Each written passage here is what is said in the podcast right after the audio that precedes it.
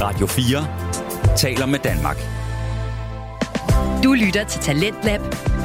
Din vært er Frederik Lyne.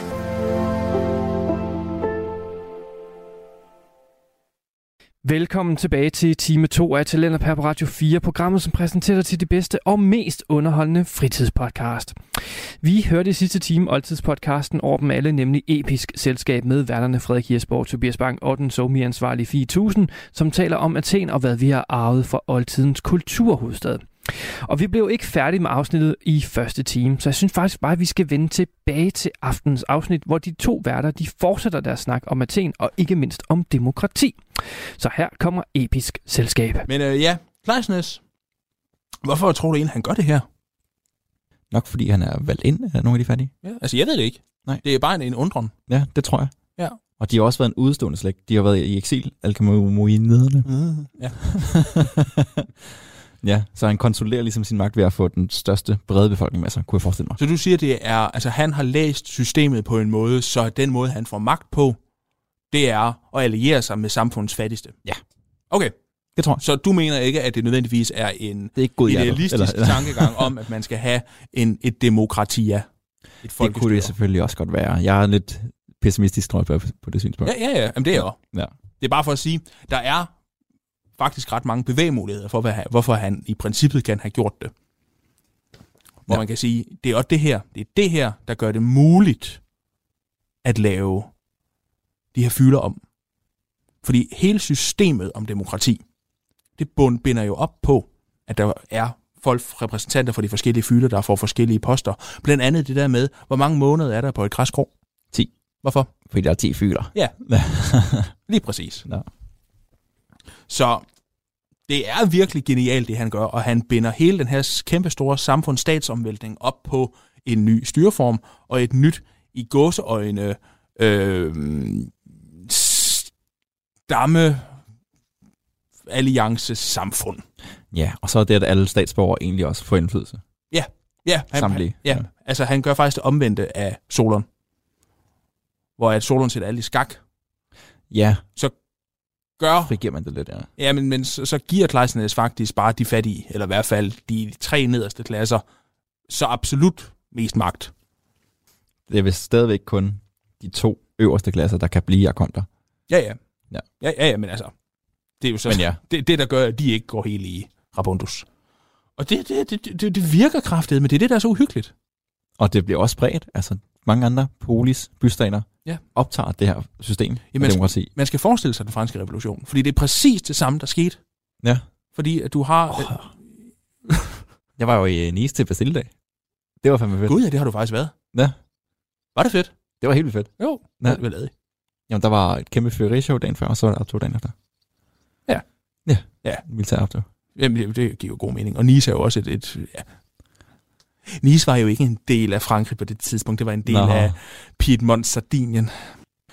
Hvad fanden var det, vi kom fra? Jo, det er, præ- man skal forestille sig det som ved den franske revolution, hvor man rundt omkring i Europa jo godt kan se, det her det bliver et kæmpe stort problem, fordi nu kommer vores stinkende bønder jo til at gå i oprør mod os. Ja. Derfor vil alle prøve at lukke det ned. Det er det- derfor, alle går i krig mod Frankrig. Eller Frankrig går sådan set i krig mod alle, men alle går ind på at få ødelagt Frankrig. Alle går ind på at få ødelagt Athen. Det lykkes ikke. Det er derfor Sparta bidrager. Det er netop også for at undgå det her. Mm. Ja, for de er jo mega meget bundet op på, at de skal have heloterne, og de skal have messenerne, Ja, så skal vi som så er lige... heloter Øh, også. hvem er meloter? Heloter, med senere. Jamen, det er en lille bystat, som Sparta har underlagt sig. Messenerne. Nå, jo, jo, Messenerne. undskyld, ja. som så er en del af arbejderklassen i Sparta. Og hvis de lige pludselig skulle have magt på samme måde i Sparta, så ville det ikke være særlig godt for aristokratiet og kongerne. Ja, altså Sparta har basalt set slavegjort en helt anden polis ja. Ja. indbygger.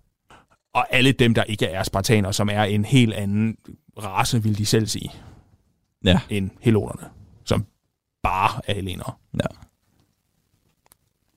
Nå, vi skal også en lille bit smule videre, fordi det her, man kalder det også det radikale demokrati, er jo noget, der gør, at Athen kommer måske ved noget held, måske ved noget, der faktisk giver mening, til en position i Grækenland, som gør, at vi har et forhold til Athen i dag. Ja, lige præcis. Det er en super lang optakt til det. Egentlig ville jeg have kørt nu. Men, men den er vigtig. Den er vigtig, ja. Ja. Så demokratiet er etableret egentlig i Athen nu her. Og så sker der det, at kort efter faktisk, så kommer perserne. Ja. Ja. Dejlige perser. Ja, det, det ved jeg nu ikke. Blandt andet på grund af den her athenske imperialisme, som så småt er begyndende. Ja, hvad fordi, tænker at, du? Åh, jamen, fordi Athen støttede jo oprør på Naxos oh, det er og rigtigt. oprør i Ionien, og det gør jo Ja. ja. så, at alle vil straffe Athen. Ja. Vi har lavet et helt et hel episode om perserkrigene, Perserkrigene. så vi behøver egentlig ikke gå ind i den. Det vigtige her er bare, at Athen er de helt, helt, helt, helt store sejre her. Ja. Fordi i den første, der får de dem slået ved Marathon, i den anden ved Salamis. Ja, i den første får de dem næsten alene. De får lige hjælp af Platea, Ja. slået perserne ved Salamis. Undskyld, ved uh, Marathon. Og det er jo enormt hædersymbol for en demokratisk stat. En ny demokratisk stat. Og vise sig på den måde. Det er militæret, der er Det militære så generelt bare der. viser alt, hvad Ja. ja. han kan. Hans søn bliver vigtig. det, der er utrolig vigtigt ved, øhm, ved- ved- det, der er utrolig vigtigt ved, at Athen jo formår at være så stærk og vinde de her kæmpe store sejre, det er, at i begge persekrigene, der er Sparta udråbt som hegemon. Ja.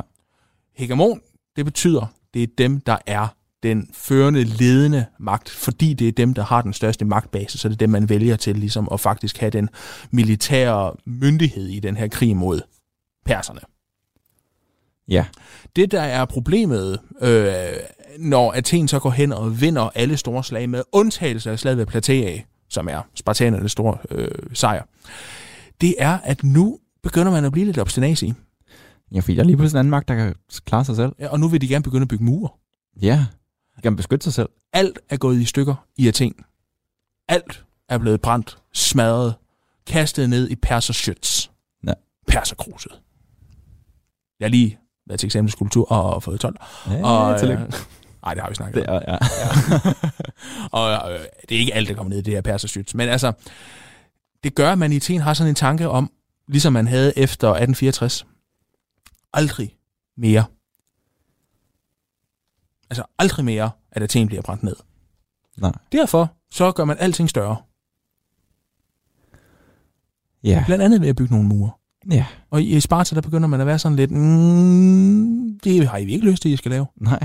Og spartanerne kommer med sådan en lort dum undskyldning. De siger, øh, hvis vi nu bliver angrebet igen, jamen så kan øh, sp- øh, perserne jo gøre jeres bymur til en base. Åh, oh, til forsvarsværker. Ja, ja, og det er jo noget forbandet brøvl. Ja, ja. Så Athen ender jo faktisk med at give et svar tilbage på det her. Og de siger, I skal ikke blande jer i vores sager, og vi blander jer ikke i jeres sager. ja. Hov, nu skete der noget, der var spændende, fordi Sparta er hegemon. Ja, det er så. Men ikke mere? nu har vi lige pludselig en situation, som efter 2. verdenskrig, hvor man har to store magter, som har to forskellige ideologier, som faktisk står som repræsentanter for to forskellige fraktioner i Grækenland. Og kæft en god sammenligning. Tak. Ja. Og det er det, man kalder dualisme. ja. Og Quackwell, eller hvad fanden det er, han hedder, øh, der er ikke nogen, der kan sige hans navn, ikke engang vores lektor. Øh, han taler jo om et dual hegemony. Så nu har du et, en hegemonibalance, som ligesom skal prøve på at udligne hinanden. Ja. Og der kommer der jo faktisk en fyr, som egentlig gør, at, at, at det ikke kommer til kæmpe store krise. Ja. Ja, det giver man. Ja. Altså, han er jo lidt tvetydig også, Kimon. Jamen, det skal siges, alt det her, det er egentlig lidt sket efter Kimon. Fordi Kimon, han, hvad er det, han gør? Jamen, Kimon er søn af militæret, som vandt det her store slag ved Marathon. Så han er en højtstående mand i Athen. Øh, og han er general. Han er valgt general.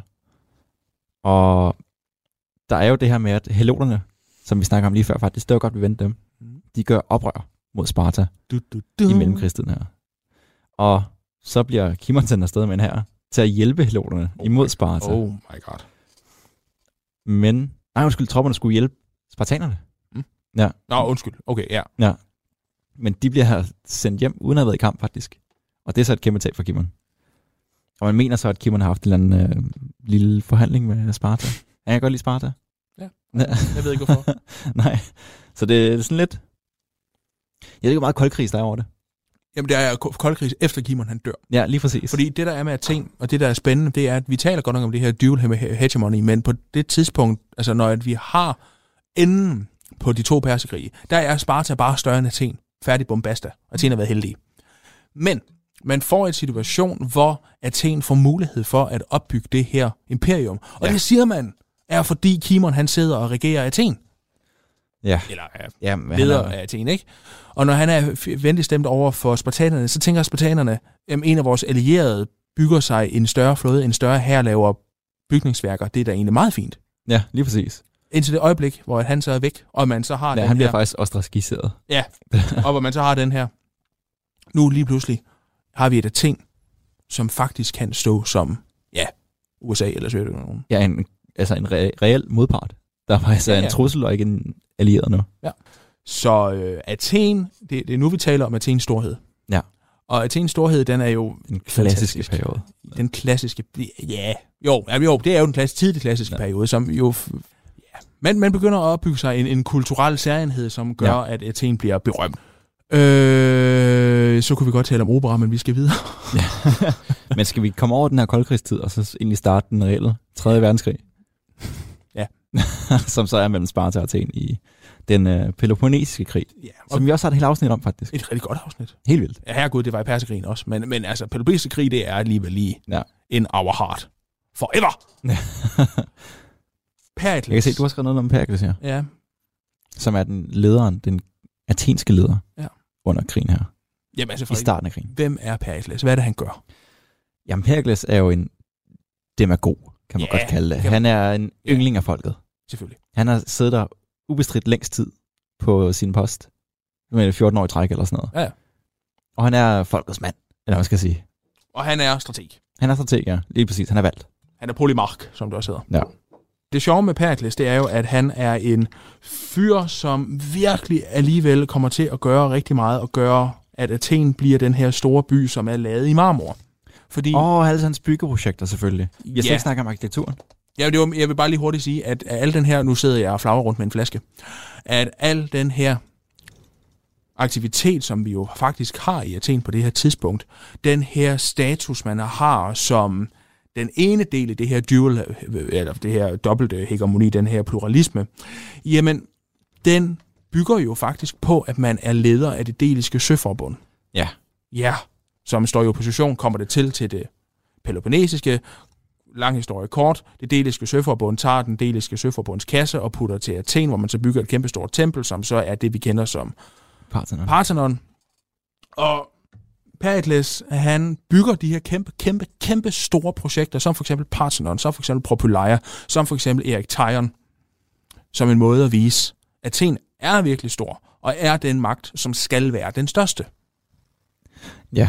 ja, lige præcis. Så modsætter sig lidt Sparta, kan man sige. Jamen, han modsætter sig Sparta. Ja. Ja. Og så det, han jo faktisk gør, og det, der er interessant, og det, der er relevant af for satan, i forhold til den peloponnesiske krig, det er, at her, der bliver den athenske statsform, den athenske måde at være på, gjort til noget, der er så særlig, at vi måske ligefrem kan tale om en eller anden form for nationalisme eller patriotisme.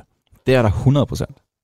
Det er der også i Sparta. Uh, ja, det her mindre Frederik, her. den skal vi passe på, fordi der er nogen, der vil sige, at nationalisme det er et moderne begreb.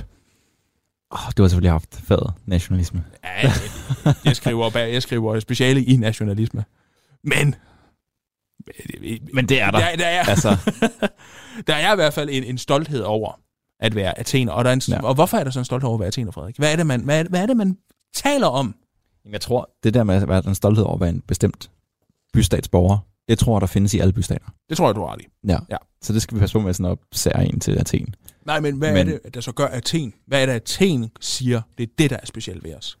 Altså, udover at de trækker deres aner tilbage, ligesom alle andre gør i mytologien, det gør de jo også. Så er der også det med, at de har vundet slaget ved maraton, og de har det her imperie, de har skabt sig selv. Ja. Så de har egentlig både mytologisk set været en stor stat, og i reelt set har de også altså, opnået det her selv.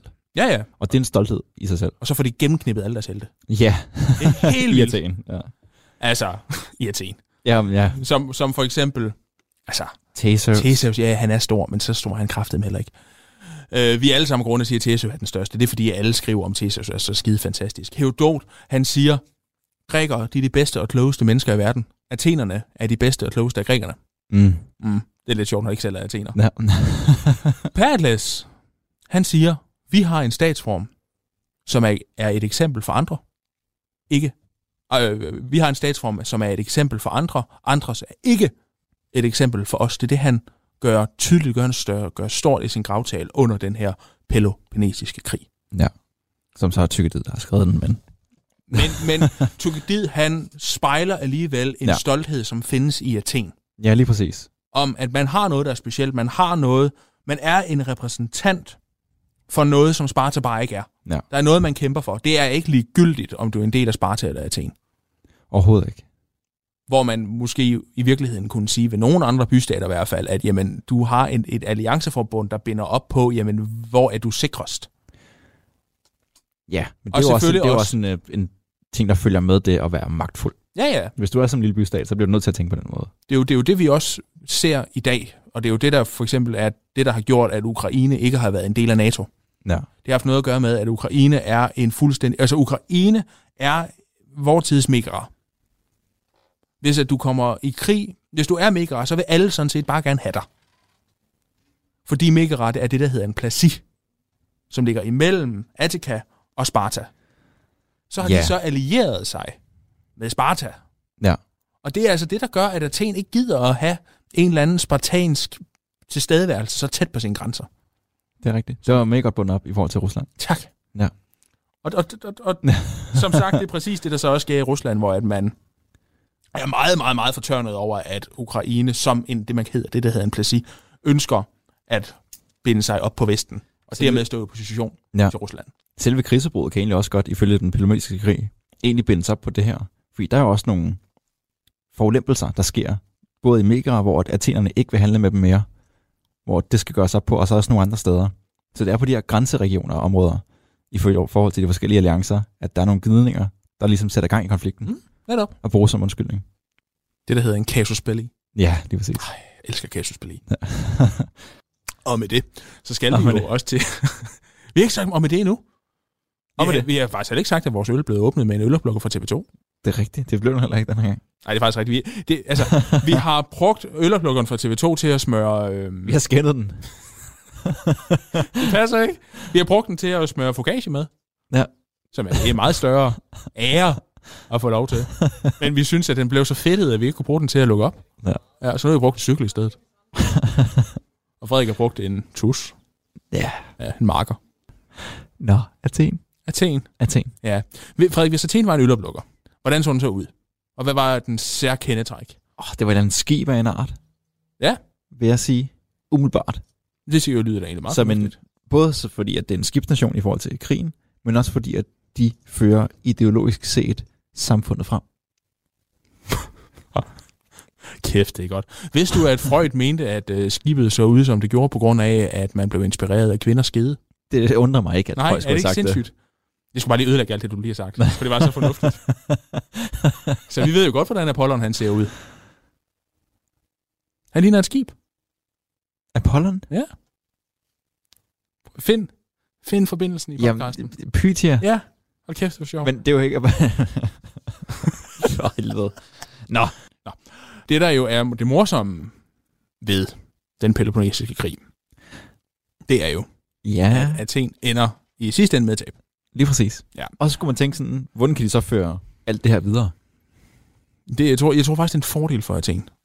Ja. Altså f- fordel for Athen på den måde, at i og med, at de ikke længere behøver at overveje, skal vi i virkeligheden være den dominerende magt i Hellas, så kan man begynde at fokusere på alle mulige andre ting, og man begynder nogle debatter, som fører til nogle overvejelser om staten, som fører til moderne filosofi. Det er rigtigt. Det skinner især ikke om efter, i efterkrigstil. Jamen, det sker sker nemlig simpelthen i efterkrigstiden. Og hvis vi nu lige hurtigt tager den rent historisk, Athen falder ikke. Nej, Athen har de her kæmpe store mure, øhm, som løber helt ned til Piraeus, men man bliver udsultet, fordi at, at Athe- Sparta er heldig ude på havet, og man ender med at indgå en fred, hvor Athen skal nedrive murene. ja. Og søforbundet opløses, Ja, og det bliver faktisk indstillet et tyranni i Athen også. med hvor mange tyranner. 30, du. Virkelig også dumt. 30 pro-spartanske juntager. Altså, jeg, altså, altså, jeg tror ikke, vi kunne, jeg tror ikke, dig, mig og Fie kunne blive enige om, hvordan vi skulle køre det her studie. Prøv at tænke, hvis nu, at vi altså i Danmark lige fik 30 svenskere på Nej, ind, ind i Folketinget. Altså, lige svenskere. På alle ministerposterne også. Føj for satan. så hvor lang tid tror du, det holdt det her? Et år. Det er ikke engang. Nej. Jeg holdt ikke længe. Og man forstår det jo bare godt. Og så er demokratiet tilbage. Og det giver jo egentlig også god mening, når man tænker på, at man faktisk havde fundet et system, som jo kunne have en eller anden form for, hvad skal man sige, s- sikkerhed i det. Øh, Athen falder jo ikke. Nej. Forstået på den måde, at man jo ønsker efter krigen egentlig ikke at udradere Athen. Jo, det vil sige, at alle andre end Sparta ønsker at udradere Athen. Ja, yeah, Athen har fået sådan nogle fjender, ikke? Jo, altså, man er øh, Argos og øh, Vrøvl, øh, Theben, hold kæft, de er trætte af dem. Ja. Megara, øh! og så videre, og så videre, og så videre. Så Athen får lov til at bestå, får lov til at holde, og al den her kultur og litteratur og alle mulige fine ting, jamen det bliver jo forfinet. Det skal altså siges. Athen kæmper og udnytter enhver chance for at blive dominerende. ja, det er jo stadig et hovedmål for dem. Ah, altså det, det kan godt være, det ikke lykkes, men altså man er, har jo krig mod Sparta få år efter. Ja, jeg vil også sige, det går værre for Sparta i efterkrigstiden. Ja, ja, ja. Men ja, Ja, det er faktisk rigtigt, fordi i efterkrigstiden, der er Sparta den ultimative hegemon, øh, lige øh, indtil at der er en øh, fuldst- fuldstændig Dark Horse-kandidat fra Theben. der lige flyver ind. Der pludselig banker spartanerne, og pludselig så er det Theben, Athens hovedfjender, som er hegemonen. Ja, og som s- Athen egentlig hjælper. Ja, ja, men det er jo så kom, for at komme mod Sparta, så det er jo ja. det, der er helt vildt sindssygt. Altså dem, der forræder Hellas under perserkrigene, ender altså med at blive dem, der skal blive de store modstandere, når den nye trussel fra nord kommer. Ja. Men demokratiet får lov at leve her. Og så kommer der jo nogle nye folk på et tidspunkt. Yeah. Lidt længere nordpå. Philip, Philip. og øh, nummer to. jeg vil sige, Philip Faber, han er også skræmmende. Det er han eddermame. Ja, det er helt vildt. Han er så rar. Jamen, det er for- altså for rar, ikke? Jo, han minder alt for meget om dig. Jeg er også skræmmende. Ja, du er skræmmende rar. Det er helt vildt. Altså, hold nu kæft, mand. Fordi hun siger enig. Man kan jo slet ikke forestille sig, at der findes et menneske, der er så rar.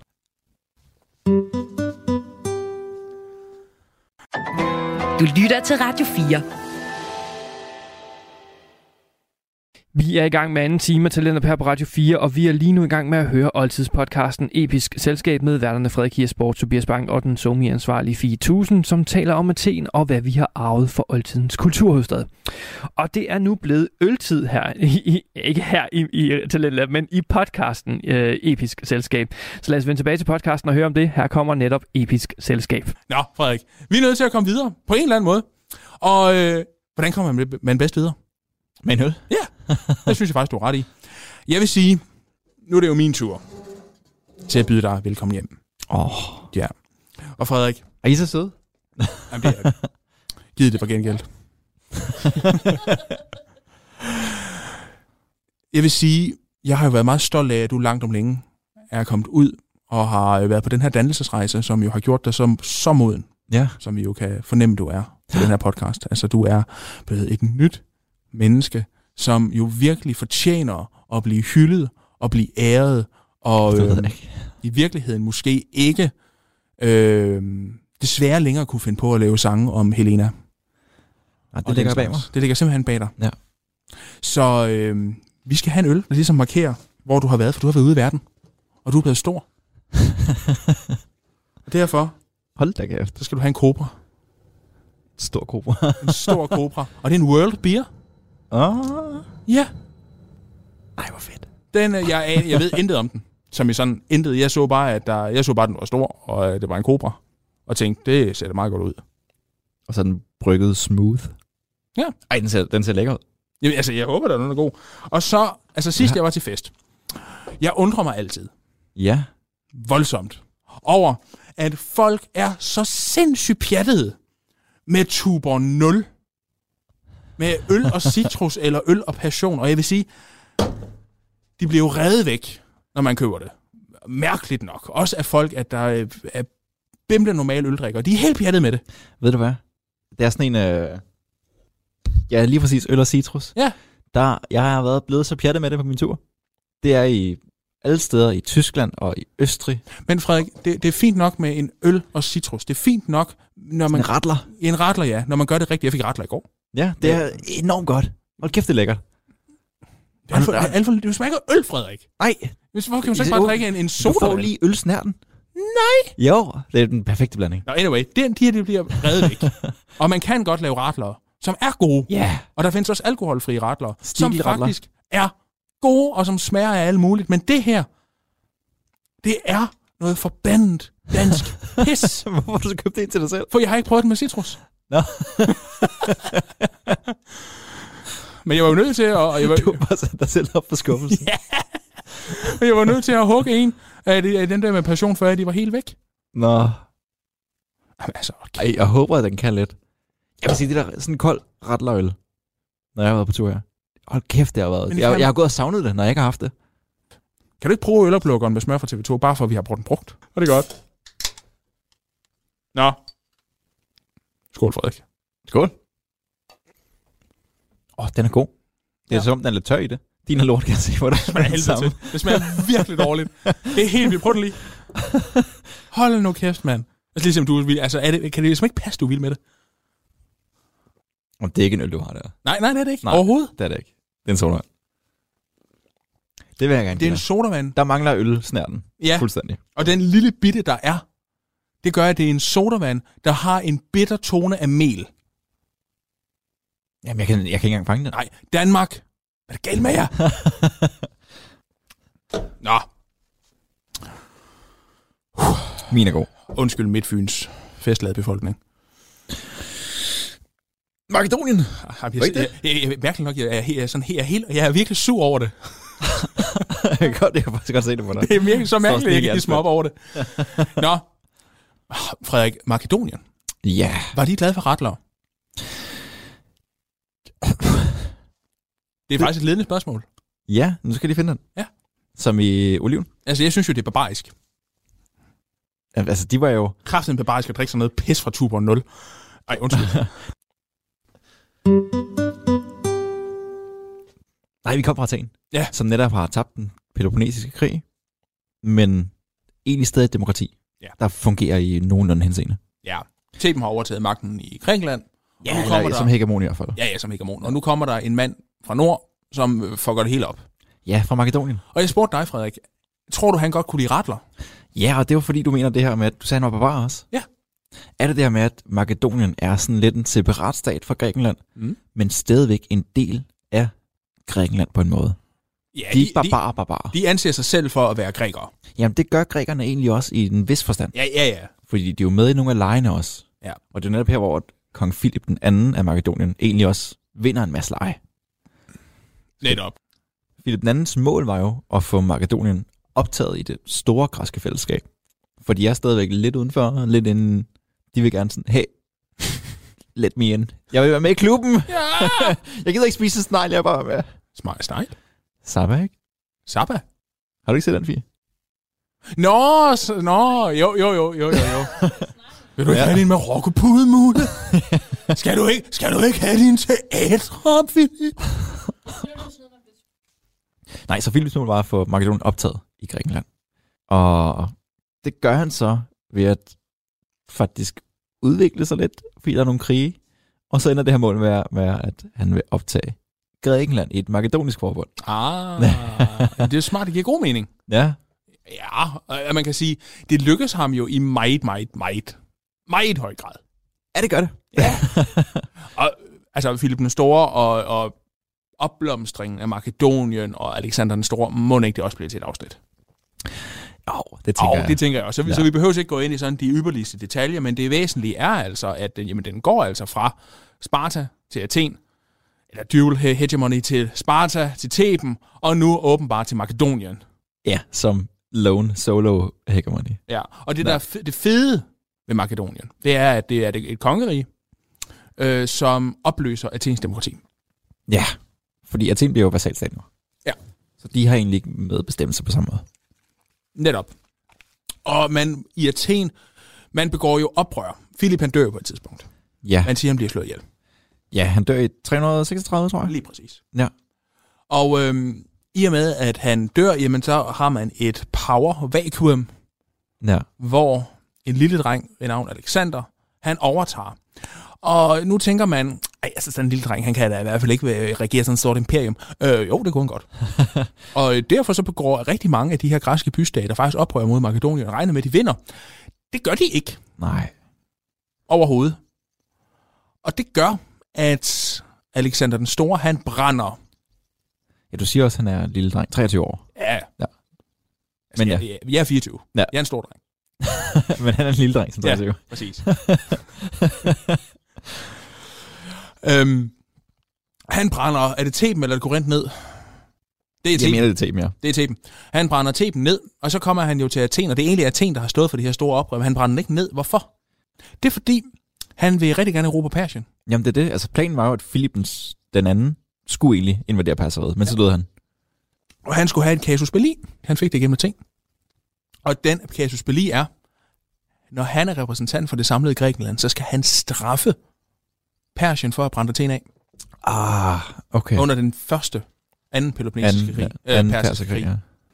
i, Ja. ja. i 480, og lige nu er vi altså i midten af 300-årene. Så øhm, det er mega væsentligt, at hvis han brænder Athen ned, det er det dummeste, han overhovedet kan gøre, fordi så har han ikke den her casus belli, som gør det muligt for ham at erobre Persien. Og Ja. så får han jo så erobret Persien, jo. Han erobrer jo så mega meget, hvis man har set kort over det, eller har hørt om Alexander den Store. Det er en vanvittig del af Persien, han erobrer. Ja, han erobrer hele Persien. altså, Eller, er- eller, ja, eller undskyld, af, plus alt muligt andet. af Asien, ja, mener jeg. Ja. Han erobrer hele den kendte verden, sagde jeg på et tidspunkt, og så rettede Frederik mig, vil jeg sige, altså, og Karthago, og Magna Graecia, og Sykus. Ja, nå. ja. Der er lidt forskelligt. Ja, ja. Hele den kendte verden, hvis at man er østrofil. Men ja, lige præcis. Og det så bivirker jo egentlig, at når der så bliver erobret det her store øh, landmasseområde, så bliver den græske kultur også spredt over vanvittige store. Skal vi lige... Øh, Nej, men det er bare fordi, vi har jo i virkeligheden glemt at sige, jamen altså, Athen bliver jo som sagt det her kæmpe store kulturproduktionssted, hvor alt bare foregår. Ja. Og det er virkelig alt, der foregår. Så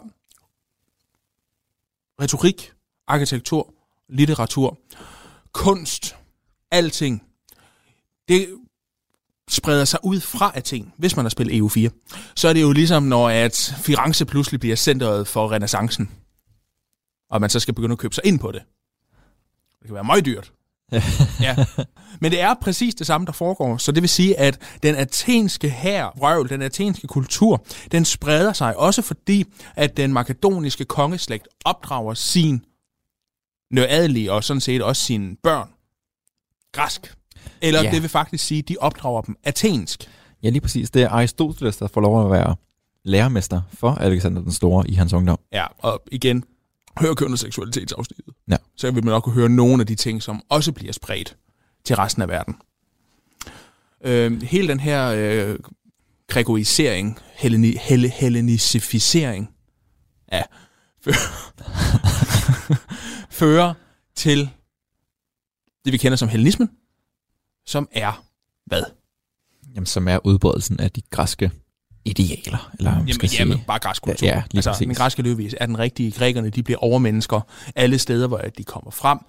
Den athenske kultur er bare den, der er fremherskende. Det der med, at vi taler om det store Dionysos Teater, Frederik. Ja. Ja. Hvor mange mennesker tror du kunne sidde i al den tid, hvor vi for eksempel har Euripides? Jamen, er det ikke 5.000? Jo, m- hvis det vi går meget, meget, meget stort. Mellem 2 Ja. og 5. Under hellenismen, der bliver det bare ved op for slap. Fuldstændig. Det bliver lavet af sten. Ja, det det pureste, stort. glatteste, mest behagelige marmor. Hvor du lækker. Hva? Kæft, Frederik. Nå, de her teatre, de bliver bare bedre for slap. Ja, og det er jo faktisk romerne, der egentlig gør det. Fordi nu er vi i næste fase. Nå, okay, nu vil så hurtigt frem. Ja, det, er fint, det, er fordi fint. vi er også... det er så fint. Ja, vi har snakket lang tid der. Jeg har kun snakket i to timer. Nej, men romerne kommer jo til Grækenland på et tidspunkt også. Det er faktisk i 168, vinder de et slag. Ved, åh, nu kan jeg ikke huske, hvor det er. Er det Delphi? Fuldstændig lige meget, Frederik. Det er også lidt lige meget. Ej. Pointen er her, at ja. Ja. fra det tidspunkt af, der begynder de at importere græsk kultur, og dermed også athensk kultur. Og det er derfor, det er derfor den athenske, altså al den ophobning af viden, statsførelse, filosofi og kunstværker, der fører det videre i tiden. Men Athen mister faktisk sin status som den primære kulturproducerende by. Det er så godt nok den by, hvor du stadigvæk har for eksempel Platons Akademi. Ja, og at man kan også godt sige, at de ting, der egentlig foregik i Athen, de foregår nu andre steder, Alexander, mm. Mm. også i Rom, hvor mm. Mm. de så drager på det, der egentlig er blevet lavet i Athen. Ja, det, det vi er fuldstændig enige Ja. ja. om det. Fuldstændig enige om det. det. Det handler bare om det der med, at man siger, at jamen, okay, når at romerne kommer og erobrer Makedonien, så bliver Rom græsk. Rom importerer... Ej, Ja. Hvad? Jamen, det er rigtigt. Det Ja. var, også sådan, det var heller ikke den slutning, jeg ville lave. Nå, undskyld. Men ja, ja, det, Jeg kunne bare godt lige være uenig for en gang skyld. Det var så godt til sidst. det, ja, det er rigtigt. Men Rom importerer jo som sagt en, en række kulturer, blandt andet Dionysoskulten, som jo bliver til en mysteriekult, som bliver til nogle kæmpe store orkefester, som man faktisk har et ret stort problem med i Rom, som fører til en social krig, mm. som fører til, at nu skal man holde op med alt det græskificering, som kun gør, at alt det græske bliver populært. Og dermed også det athenske. Og så skal vi faktisk også give, øh, nu ved jeg ikke, hvor hurtigt vi går videre. Ja. Vi skal også give lidt credits til, Du skal ikke til, sige forskellige, Nero. øh, til kristendom, Nå, okay. til de forskellige munkekloster og sådan noget rundt omkring. Ja, det skal vi gå ud. Ja, fordi de har siddet metodisk og oversat, eller nedskrevet, kopieret de her gamle, gamle værker. Så, og det er også derfra, vi har rigtig meget af det. Ja, det er det, vi har stort set det hele. Ja. Altså havde det ikke været for de her middelalderklostre, jamen så havde der faktisk ikke været nogen måde at overlevere det på, og så skulle vi have primærkilder, og vi ved, hvor dårligt Sapfos værker er bevaret på papyrus. Som i de er ikke bevaret. Der er lige et par stykker eller sådan noget. Så. Ja, altså et par ord, ikke? Et par fragmenter. Men ja, lige præcis. Og så har vi jo så også det andet, vi skal takke. Renaissancen. Nu snakker jeg om EU4, Firenze. I Norditalien i hvert fald. Den her opblomstring, hvor den her gamle, de her gamle litteraturtekster og kunstværker bliver taget op igen. Ja. Og ligesom har gennemsyret, præget Vesten, Europa især, Ja, som pr- siden der. lige præcis som du siger, altså renaissancen prøver jo på at skabe det nye antik. Ja, Det betyder genfødt. Det er Ja. ja. derfor, det hedder middelalderen. Det er perioden, som ligger imellem antikken og det nye. Nu skal jeg passe på som i går så en historiker og begynde at tale om renaissancen, fordi så kommer vi ikke hjem. Mm. Men det, der er fantastisk ved renaissancen, er jo, at det er jo her, at du jo for alvor begynder at, ja, sjovt nok, bare bætte den græske kultur op fra slap. Også især den romerske, også litteraturen. Faktisk også et forsøg på at genskabe ting, fordi man har det store problem. Vi kan godt fortolke, hvordan Euripides er blevet opført. Det kunne du ikke i renaissancen. Men man havde ideen. Det græske skuespil er det største stykke kultur, der nogensinde er skabt. Det vil sige, hvis vi skal opføre dem, så må vi gøre det på den største, mest grandiøse, mest et eller andet sted besværlige måde. Og det gør vi så ved at l- lave en ny genre, som bliver til, kan du næsten gætte det. Radio 4 taler med Danmark. Vi er stadig i gang med anden time af Talentet her på Radio 4, og vi er lige nu i gang med at høre oldtidspodcasten Episk Selskab med værterne Frederik Hirsborg, Tobias Bang og den somi ansvarlige 4000, som taler om Athen og hvad vi har arvet fra oldtidens kulturhovedstad. Og vi skal nu finde ud af, hvilken ny genre Tobias han mund teaser for. Så lad os vende tilbage til podcasten og høre om det. Her kommer øh, Episk Selskab. Ja, det bliver lige præcis til. Nu Operaen. visker jeg det. som er et forsøg på at skabe faktisk græske skuespil, og er et forsøg på at opføre dem, som de blev opført dengang. Fordi hvis der var noget, du vidste i renaissancen, så var det, at det blev sunget. Ja. Og det er lidt sjovt, når at vi meget hurtigt gik væk fra det, og først for nylig er begyndt at tale om, at det har været musik, Ja. det hele. Og det er jo der, hvor vi kan se, at den første opera, vi har fra slutningen af 1500-tallet, den hedder Daphne. Den første, vi kender, det er Orfeus i underverdenen. Mm. Og så har man ellers operagenren som en genre, som udelukkende bygger på græske myter, ligesom de græske skuespil, helt op til ham, der hedder Gluck. Ham med flasken. Gluk, gluk. Øh, han laver det, der hedder reformopera, som øh, er en øh, ny genre, hvor man ikke har en veristisk tanke, men hvor at man begynder at tænke, okay, vi begynder også at være tvunget til at have nogle stykker, som man kan forholde sig til, Ja. som almen menneske. Ja, det er jo sådan lidt mere over det litter- litterære. Men også bare, hvis du går en tur i en vilkårlig storby og lægger mærke til bygningerne, så ser du gerne søjler og gavlfelter rundt omkring. Ja. I ganske forfinet stil nogle gange. Meget enkelt på facaderne. Ja, altså man kan sige, at det bliver meget enkelt på facaderne, handler jo selvfølgelig også om, at man jo får en, en romantisering, en, en renhedstanke, 100%. som jo går ud på, at jamen, altså, den her oldtid, den har været ren, den har været fin, den har været lavet i marmor. Og dermed, jamen, så må alting, hvad vi prøver på at genskabe, også pusses op og gøres rent og gøres fint. Og det er derfor på Amalienborg. Søjlerne, de er ikke farvet. Øh, vores øh, skul- skulptører, skul- skulpturer, de er ikke bemalet.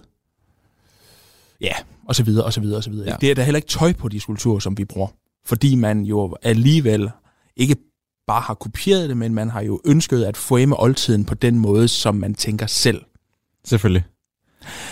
Det skal selvfølgelig siges, at Athen, nu når det handler om Athen, er jo en by, som faktisk ikke overlever oldtiden. Forstår man nu ret?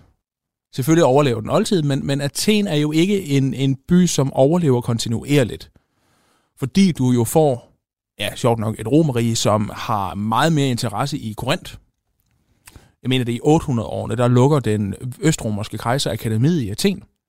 Athen fortsætter faktisk som et øh, fyrstedømme helt op i middelalderen, hvad man også kan spille i EU4. Øh, problemet med Athen er jo bare, at det er en by, som ligger af helvede til. Det giver ingen mening, at der er en lille bit by der. Ikke i det store, hele globaliserede verden. Eller, Nej, ja, men altså, ja, der Ja, er jo ikke ja. ja. nogen havn. Altså, det, er, det kommer nej. til at være en lille bit landsby, hvor der så tilfældigvis ligger en borg, fordi der så lige er det, der hedder akropolis, som man kan befeste. Hvad man har gjort i middelalderen, hvad du har gjort i renaissancen, hvad du har gjort, da tyrkerne kommer. Og på den måde, der er alt faktisk blevet bevaret på Akropolis, på den måde, som det er. Ikke fordi, at det har kunnet stå der, men fordi man har bygget det ind i alle de her forskellige fæstningsværker. Hvilket også faktisk er ret vigtigt, også hvis man kigger på Rom. Jamen, hvorfor har vi triumfbåde bevaret? Jamen, det er fordi, de er bygget ind i mure. Ja. ja, lige præcis. Man har jo genbrugt alt det her arkitektur, der har stået for dengang. Ja. Som faktisk har stået der i flere tusind år. Altså, jeg så på et tidspunkt, øh, jeg tror faktisk, det var Pia Kærsgaard, det var i hvert fald en fra DF, som jo var rasende på muslimerne og det osmaniske rige, fordi det jo ødelagde den kultur, som vi ligesom er skabt af, altså Akropolis, og det Ja. ja. rene og det fine, og det oldtidens Grækenland og den slags. Det er jo faktisk en dansker, som forsmadrede Par- Parthenon På sit krigsskib. på sit krigsskib en gang i 1600-tallet, hvor at han er... Øh, Han rammer lidt krudtlager. Det er også vildt at lægge et krudtlager ind på, øh, hvad hedder det, Parthenon. Nå, det var jo, altså, det var jo et tempel. Eller Røvel, det var jo et, et, et fæstningsværk, så why not? Var det først efterfølgende, at de havde bygget De et... byggede en lille øh, ja, måske. måske. Ja. Ja. ja. Så Grækenland er i dag, sjovt nok, et land, som rent bygger på Athen. Fuldstændig.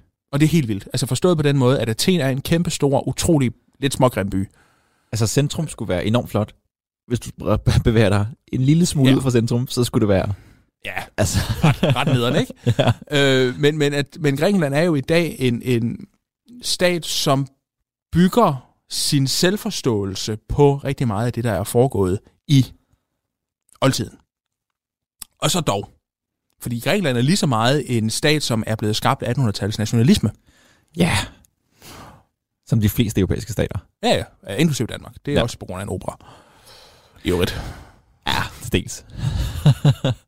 Så hvis man nu skal kigge på, hvordan at vi bliver i dag inspireret af oldtidens Grækenland, Frederik, hvor, hvor ser vi det så tydeligst? Jamen, både i arkitekturen, som vi nævnte, når man går rundt omkring. Mm. Det stråler frem. Men især i litteraturen. Ja. Det vil jeg sige. Ja, ja. Og fordi man kan sige, at altså, den kultur, den især filosofi, som blev skabt, den kom Åh, oh, ja. også til at blive... Den, den blev suget ind langsomt i en øh, meget stor bog, som øh, man nogle steder... Ej, forhåbentlig ikke brænder af, men øh, den slags gør Bibelen. Ja. ja. Hvor at man jo for eksempel har det i det nye testamente, som især i Johannes evangeliet er gennemsyret af græsk filosofi. Ja. Ja. Helt vildt. Og det, det er altså noget, der har været med til at forme den kristendom, som vi jo også bygger ufattelig meget af vores kultur på. Ja, lige præcis. Så Og der er også det her med, nu nævnte du filosofi, det fik jeg så ikke nævnt, at Aristoteles har jo lagt grundstenene for, hvordan du skal tænke og udforme filosofi, ja, og som har altså holdt hele vejen op til 1800-tallet, ja og det er og og helt vildt. stadigvæk har egentlig aner i dag. Altså Frederik, han taler med simpelthen så meget patos lige nu. Ja, Altså, det er, også, det, det er spændende. nej, nu tænker jeg også. Når mine følelser der lige er i spil. Ja, ja. Som at Aristoteles jo. Det er skrevet. Øh, Aristotle. Og hver gang, at Frederik han taler om Aristoteles. Mine bukser, de er stram. Er det dig, man kan høre egentlig skraldgrine i baggrunden? Ja, ja. Eller prøv at holde den. Det er kun mig. Dårlig, dårlig, dårlig afslutning. det var virkelig elendigt. Det var fordi, altså, kære lytter, jeg tror også problemet med, med Athen i godsøjne er, at det er et så abnormt stort emne, at vi har talt om statsform, statsdannelse og en lille bitte knas af kultur. Det er også rigtig tungt. Det er ikke tungt. Åh, oh, det er tungt, men jeg håber, I har kunne fylde med derude. Jeg synes, fordi fordi, at det er mega spændende. vi har name-droppet lidt, hvor vi har kørt over en... Det er lidt mere kompliceret, end når vi bare snakker om... Ah, det Nå, er ikke. Jamen, og så dår, men det er Ja, redegørende. det er rigtigt. og så er det fuldstændig abnormt vigtigt. Men noget af det, vi overhovedet ikke har talt om, jamen det er faktisk der, hvor at oldtiden for alvor har indflydelse på vores hverdag. Jeg ved ikke med hverdag, men i hvert fald noget, vi oplever og egentlig er en del af konstant. Ja, demokratiet. Ja, lige præcis. Hele den her podcast, det har faktisk handlet om udviklingen af den athenske statsform, som i sidste ende førte til demokrati eller demokratier. Ja, i en vist omfang. I et vist Selvfølgelig er det blevet videreudviklet i, i nutiden her. Ja, det er selvfølgelig rigtigt. Men, Men men grundstenene er det, vi har taget fra Athen. Ja, altså man kan sige, man dyrker jo sjovt nok for relativt nyligt demokratiet i Athen. Det vil sige, renaissancen, du var pjattet med demokrati. Røvl, du var fjer- pjattet med Athen, Ja. men du talte jo ikke om demokrati. Ej, der var lidt konge her, der var hertug og...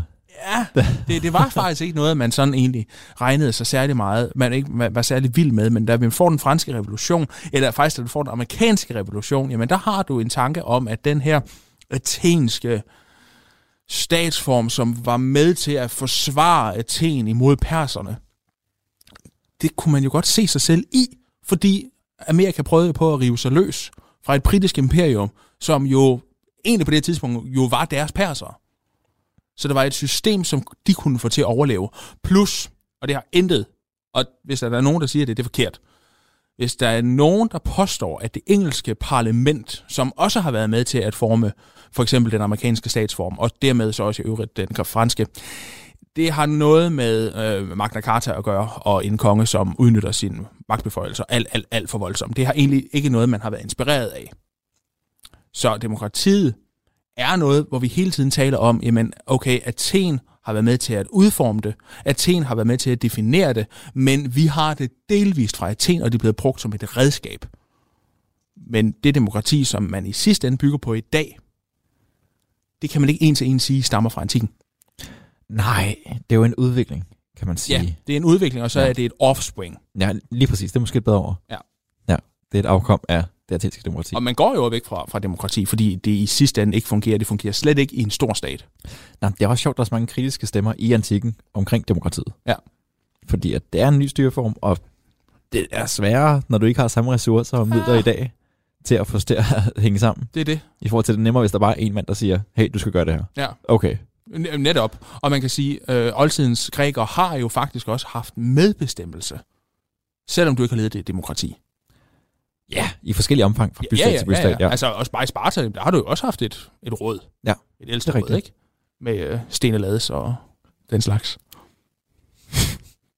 Så demokratiet er noget af det, som antikken har givet os med, sammen med alle mulige andre ufattelig vigtige Ja. ting, som stammer fra Athen, og som gør, at det faktisk er relevant og vigtigt, at ja Athen og nærområder, ikke?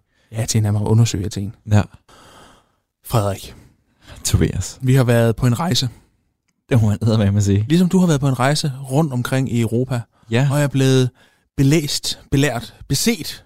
Nej, Jo, vel ikke beset, det lyder frygteligt. der er sikkert også mange, der har set mig. Ja, ja, det er selvfølgelig rigtigt. og været ude at repræsentere episk selskab. Ja. Og, De forstod ikke, hvad jeg sagde. og mens at musen har været din vagil, så har vi forhåbentlig ageret vagil for de danter, som har været med til at høre dette afsnit. og øh, kan du godt mærke, at jeg sådan prøver på at bevæge mig sådan lidt over i en romers karakter? ja, lidt. Ja, Lidt. Vigil, den her Men det er store, måske store i- forfatter. I forhold til det, vi skal snakke om næste gang, eller hvad? Ja, måske. Ja, måske. Fordi, Fordi, ja, øh... fordi vi nævnte jo lidt noget Rom nu her. Ja, og Frederik han er jo lige kommet hjem, og nu fik han et afsnit, der bare var Grækenland, Grækenland, Grækenland. Ej, Ja. var det bare dejligt, altså var det hyggeligt, vi kan tale om Grækenland, Grækenland, Grækenland. Men, Men det vil Tobias ikke. nej, det vil jeg faktisk ikke. Så næste gang, der køber vi noget romersk, og vi kører den ultimative romer. Det er nemlig Gaius Julius Kaiser. Cæsar. Salaten. Nej, vi Pizza- skal... Pizzakæden. Ja, nå, det er rigtigt. Little Caesars. Nej, vi snakker om Cæsar næste gang. Ja, Ja, vi, må- vi måtte forbi det. vi bliver nødt til det, og det bliver mega godt, fordi det åbner op for et univers, som hedder Rom. Ja. Og det bliver mega fedt, fordi oldtidskundskab handler ikke om Grækenland, det handler om den oldtid, som romerne har bragt til os. Ja, igennem Grækenland. Ja, ja, ja, ja, ja men alligevel mellemmand er jeg, fandme op. jeg vil også sige, det passer godt i vores øh, episoderække her, i forhold til, at vi har bevæget os frem mod det. Det er faktisk rigtigt. Ja. Det er så... faktisk rigtigt. Og man kan sige, selvfølgelig kommer vi stadigvæk til at arbejde en masse med Grækenland. og Vi skal kommer til at nok hoppe mange dykke gange tilbage, kan jeg se dig. ned i en masse myter. Vi kommer også til at tale om noget, som er fuldstændig mega sygt spændende. Ja, vi gør. Som blandt andet også bliver kristendommen. Og den græske filosofis udvikling af kristendommen. Det kommer på et tidspunkt, bare roligt, mine damer og herrer. Radio 4 taler med Danmark. Du lytter til Talenter her på Radio 4, og vi er ved at være inde på aftens program. Vi har lige netop hørt øh, afslutningen på oldtidspodcasten Episk Selskab med værterne Frederik Jesborg, Tobias Bang og den somi-ansvarlige Fie 1000, som talte om Athen og hvad vi har arvet fra oldtidens kulturhovedstad. Og øh, vi har lige lidt tid, inden øh, jeg giver den videre til, øh, til hvad hedder det, nattevagten, men øh, hvis vi nu snakker Athen, og det, det gør vi jo, øh, sjovt nok, eller det har vi i hvert fald gjort, øh, så kan man sige, hvad, hvad, hvad er mit sådan, forhold til Athen og Grækenland? Og, øh, jeg har aldrig været der først og fremmest, og det synes jeg, det er jeg virkelig ærgerlig over. Jeg gad virkelig godt, øh, at- at- at sådan, på en eller anden måde bare lige at sætte fod i Athen, for netop på grund af de, alle de årsager, der bliver nævnt her i podcasten, hvor hvor vildt et sted det egentlig er, øh, og har været. Øh, det kan godt være, at det bliver beskrevet som mindre kønt i dag, Øhm, men alligevel bare al den historie, som det, den øh, by, og ikke mindst Grækenland som nation, rummer, det gad jeg godt virkelig kunne øh, ja, på en eller anden måde mærke og, og sige, man har været der. Øhm, Udover det, så er, er mit forhold sådan meget begrænset, øh, og så alligevel ikke, altså, jeg har læst filosofi, så på en eller anden måde, så har jeg jo beskæftiget mig med, med filosofer, som med sådan oldtidens græske filosofer, altså øh, så, så, så lidt er der da i- i- i- et sammenhæng mellem, mellem mig og Athen. Øhm, så, øh, så tænker man jo på de gængse ting, som der bliver nævnt, altså demokrati og, og teater og således. Altså, men, men jeg vil sige, noget af det første, jeg sådan tænker på, og det, jeg ved ikke, om det er sådan lidt pinligt på en eller anden måde, men det er også, når jeg hører episk selskab generelt, så tænker jeg på et spil, et computerspil, som, øh, som hedder Age of Empire. Øh, og jeg tror også, det har en, en, hvad skal man sige, en, en mytologisk udgave, Age of Mythology, tror jeg det hedder, øh, noget i den dur. Øhm, men, men, men det, jeg vil frem til der, det er, at øh, det spillede jeg helt vanvittigt meget engang. Øhm, sammen med mine, øh, ja, mine fætter, og ikke mindst også nogle andre kammerater, og øhm, dem, der ikke kender øh, Age of Empire og Age of Mythology, øh, først og fremmest, hvorfor gør I ikke det? Og så for det andet, det er simpelthen bare et, et spil, hvor man, man vælger en... Øhm, en civilisation på en eller anden måde, eller en, en hvad skal man sige, et, en, et folk, øh, for eksempel grækerne, eller du kan vælge Ægypterne, eller noget i den dur, og så skal du ligesom starte fra scratch, altså du har vildt bare en, et, et hus og nogle, nogle arbejde, og så skal du samle ressourcer i form, i form af altså, træ og guld og øh, ja, hvad- fisk og, sådan, og således, og så skal du simpelthen bygge den her civilisation op fra bunden af, Øhm, og her kan du blandt andet vælge, altså grækerne som sagt, især i Asian Mythology, der er det virkelig, virkelig sjovt, fordi der, der skal du også bruge ek- ekstremt meget tid på sådan at tilbede for eksempel guder, og øh, nu mere du udvikler dig, nogle, nogle flere, bedre sådan, forhold får man til sin gud, og så får man nogle kræfter, og man kan få nogle, nogle væsener. Øh, og der vil jeg faktisk lige referere til en tidligere episk selskabs øh, afsnit, hvor de snakker om monstre, fordi mange af de monstre, de er faktisk med i det her spil. Øh, og, og det, der er et eller andet ekstremt tilfredsstillende over, når du har sådan brugt i- adskillige timer på sådan at, at, at bygge den her civilisation op, og så angribe de andre civilisationer, og simpelthen overtage hele det her kort her, og øh, have den her øh, by, hvor du bare har startet helt fra bunden af, og du har bygget op, og du har diverse monstre, og du kan skyde lyn fra himlen, fordi de er jo gode venner med, med, med, med Zeus og så videre. Altså, det er så sjovt et spil.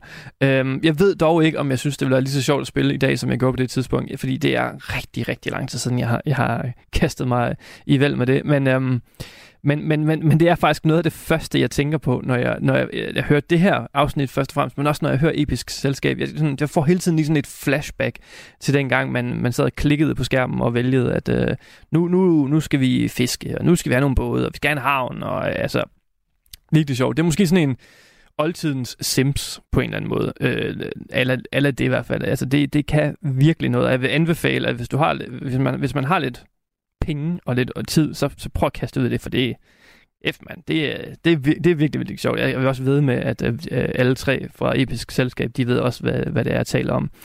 Nå, nok om mig og mit øh, forhold til Athen. Nu kan jeg sige, du kan finde flere afsnit fra netop Episk Sel- Selskab ind på din foretrukne podcasttjeneste og alle Radio 4's programmer. Dem kan du finde ind på vores hjemmeside og i vores app. Nu er det tid til nattevagten her på kanalen. Mit navn det er Frederik Lyne. Tak for denne gang. Vi høres ved. Du har lyttet til en podcast fra Radio 4. Find flere episoder i vores app, eller der, hvor du lytter til podcast.